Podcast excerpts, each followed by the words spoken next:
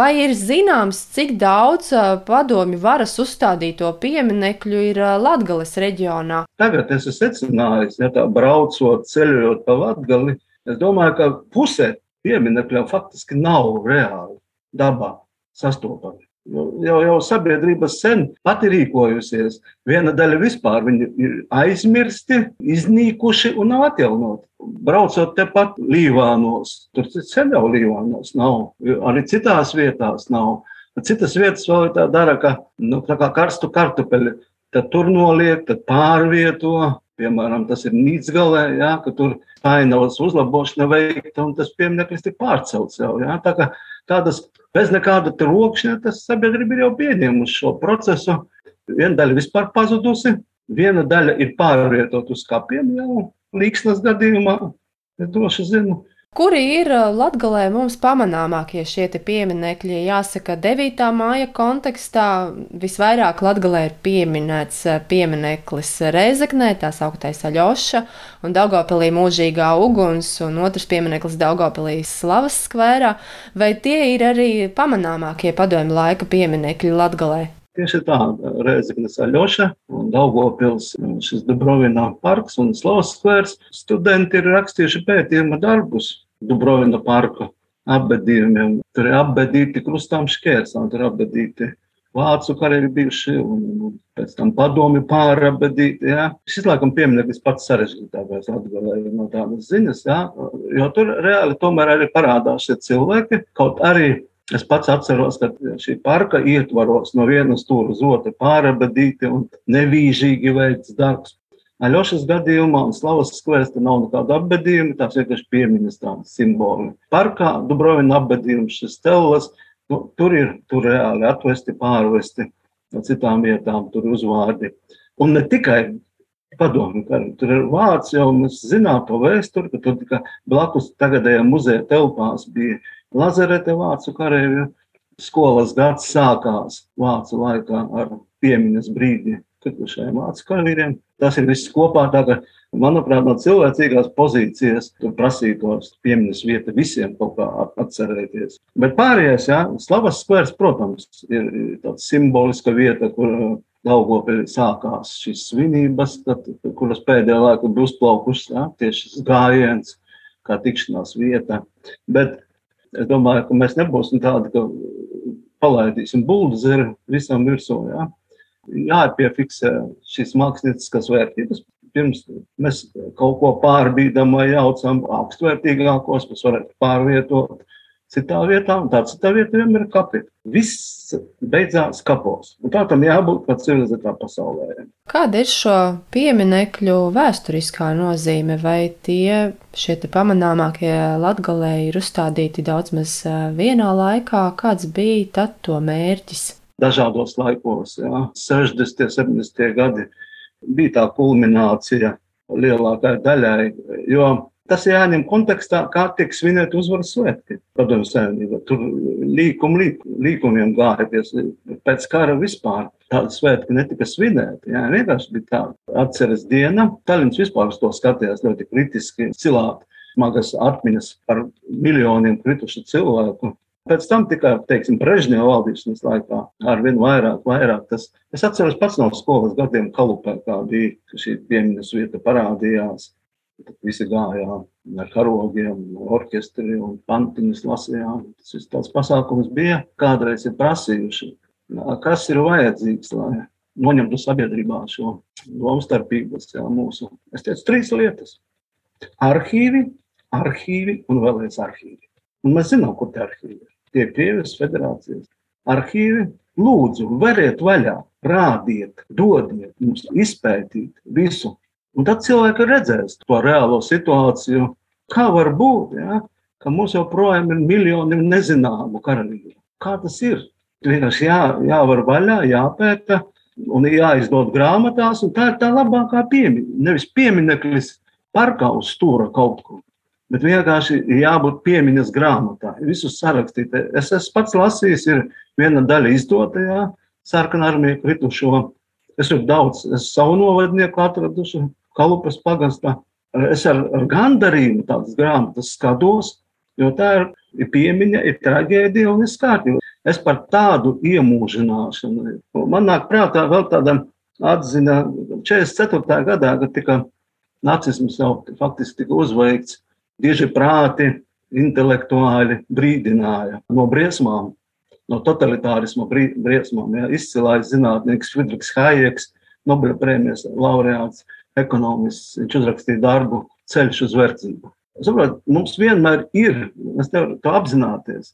Tagad dzīvojot šodien pasaulē, mums paralēli viens, viens vienmēr ceļš iet paralēli. Šis ceļš uz verdzību.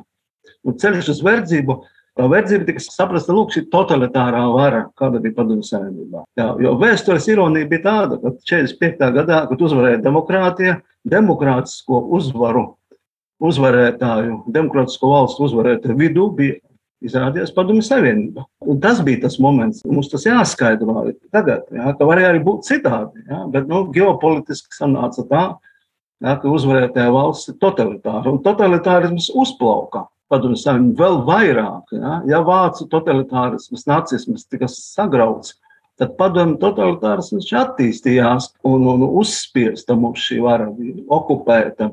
Pasaule baudīja brīvību, demokrātiju, un mums tas bija liekts. Ja, un no šejienes arī sākās šī šodienas pēdējais moments, ar ko mēs ar totalitārismu cīnītos, novācot vienkārši šos pieminekļus. Bet vienmēr padomājot prātā, ka tādas briesmas vienmēr būs, ja mēs nebūsim modri, ja mēs necīnīsimies par demokrātiju, ja mēs nerūpēsimies. Jā.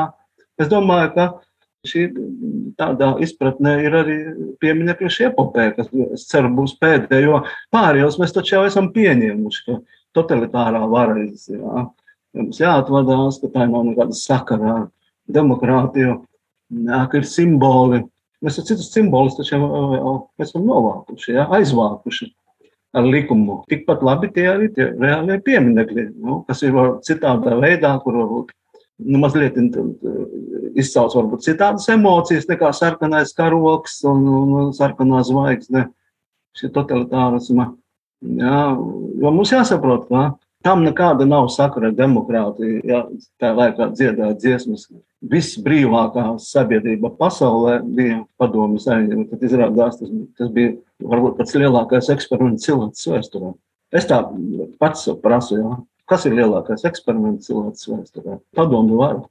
Jūs jau teicāt, ka pēdējā laikā mm, Daugopilī notiek arī šis te gājiens pa pilsētu 9. maijā, tad, tad kad pieminekļi tika atklāti uzstādīti, šādi gājieni Daugopilī nemaz nenotika. Nu, protams, ka tas viss sākās ap 2000. Putina laiks, pilnīgi citāda skatījums uz, uz vēsturi, slavinās tieši šī momenta. Es domāju, ka ir jau taču ar citām lietām lepoties un uh, likt karu mierā Par karu var runāt, nav aiz, aizliegts, nav akadēmiski, tādā veidā, kas ir ja, karnevāls, teatralizācija. Un galvenais izkopļots priekšstats par karu, ka ir viena taisnība tikai karā, bet karā tā nekad nav bijis. Ja. Mans tētis bija triju armiju karavīrs. Daudz nesaprot to. Kā var būt triju armiju karavīrs? Aiziet Latvijas armijā, pēc tam uzpečs nomaina uz sarkanu armiju, un pēc tam mobilizē vācu armijā. Ko viņam svinēt? Vai citi padomā, ja?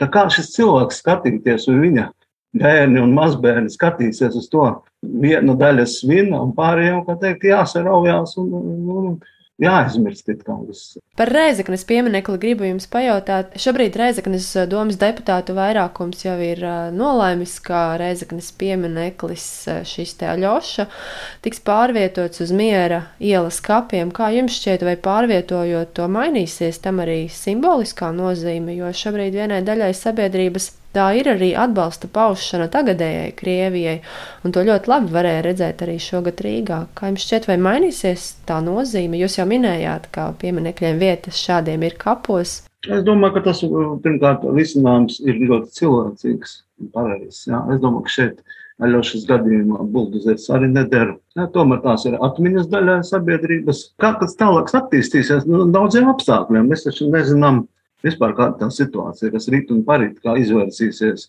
Ukrainas lieta. Droši var teikt, ka tā būs cita pasaule, cita pasaules kārtība. pēc Ukrainas kara. Kurš karš tāds lielāks izsauc starptautisko sistēmu maiņas, attiecību maiņas? Domāju, tā būs cita.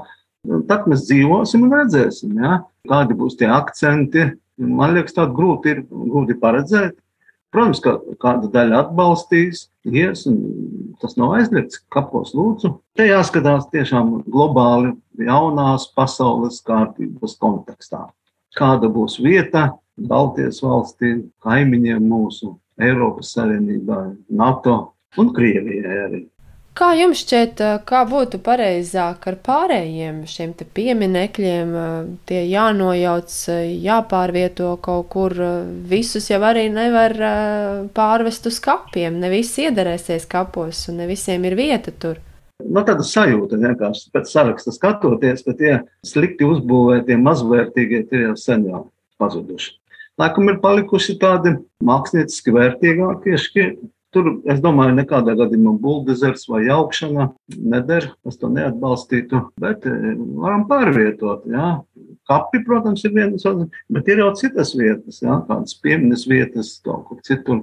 Galu galā arī privāti cilvēki vai organizācijas, kas kā muzeja, jebkuram muzeja eksponācijā. Tas būs eksponāts muzejā, iegrāmatots, saglabāts ar tādu lielu godu.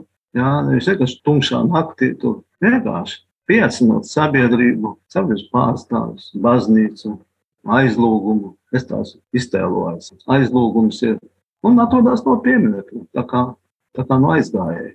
Viss ir civilizēti esat pārliecināts, ka ir nepieciešams kaut ko darīt ar šiem padomju laikā uzstādītajiem pieminekļiem, kas šobrīd ir kā daļa no pilsētas ainavas, kas atrodas parkos, pilsētas centros, ka bija to nepieciešams darīt. Jā, un tas ir viens no soļiem, lūk, atbrīvošanas no šīs totalitārisma paliekā. Protams, domās bieži cilvēks redzēt par to totalitārismu, ka tas pievilcīgs bija, ka tā nav jādomā, tā vietā viss ir izdomāts. Jā. Jo dzīvot demokrāti ir ļoti grūti. Tā ir smaga skola dzīves. Jā. Un pacelt rokas un paļauties stiprai varai. Tas ir vienkāršākais, ko mēs varam izdarīt. Un uh, mēs no, no šīs totalitārās sabiedrības pakāpeniski atvadāmies. Sākumā mainot politisko sistēmu. Bet šī domāšana tā būs ilgi vēl tā galvā. Un, protams, arī pieminekļi pieder pie šī procesa, un tas ir loģisks process. Jā. Saliksim visus pasākumus, kas ir vērsti mūsu sabiedrības demokratizācijas virzienā. Tie ir konsekventi pasākumi kopš 90. gada, 4. maija līdz pat mūsdienām. Tur tā pieminekļa epopēja vienkārši ir viens no tādiem soļiem. Un, protams, ar, ar, kas izraisa rezonanci sabiedrībā, jo nu, tomēr konkrētām lietām ir runa. Ne, bet tajā pašā laikā ir citas lietas. Mēs vairs nelasām kaut kādas totalitāra laika grāmatas, neiznīcinām tās, bet tās tālu plauktā noliktas, un mazs kas interesējās. Tikai akadēmiski interesi par to ir. Jā. Un tā arī par pieminekļiem. Jā. Es domāju, ka šie pieminekļi, starp citu, ir iegrāmatoti, tie paliks. Tas arī ir viens no risinājumiem. Kā es teicu, arī piemiņas grāmatā. Ja? Labākais, ko mēs varam izdarīt, mēs varam pētīt šo cilvēku kāpēc viņi aizgāja sarkanā armijā, kā, kāpēc viņi gāja bojā. Tie ir daudz, daudz jautājumu, uz ko šodien nav atbildēts. Un tur kopīgi risinājumā Latvija kopā ar Krievijas federāciju ar citiem Vācijas arhīviem un tā tālāk. Tā kā mēs no vienas puses mēs eh, daudz ko esam izdarījuši, bet daudz kas vēl mums jāizdara. Es kā pētnieks to tiešām saku, ka šis ir tāds vēl daudz, kas nepētīts no tā laika. Un, Tur, tur arī, teikt, sabiedrībā varbūt tā, citu viedokļu dzirdēs par karu. Jo, redziet, viena lieta, gribu pateikt, mums tad jāpiekrīt, ka kara vēsture tika rakstīta pēc uzvarētāju versijas. Uzvarētāji, ja? un diemžēl Latvija nav uzvarētāja valsts vidū. Uzvarētāja versija mums neapmierina. To saka sen zinātnieki kopš 90. gada. Tā sajūta, ka mēs visi kad Hitlers ir dzīvojis Latvijā, visi latvieši, fašisti, nacisti. Jā. To mēs redzam, jā. tas tāds globāls process, jā. Uzvarētājs svin uzvaru, ko pārējiem darīt. Jautājums.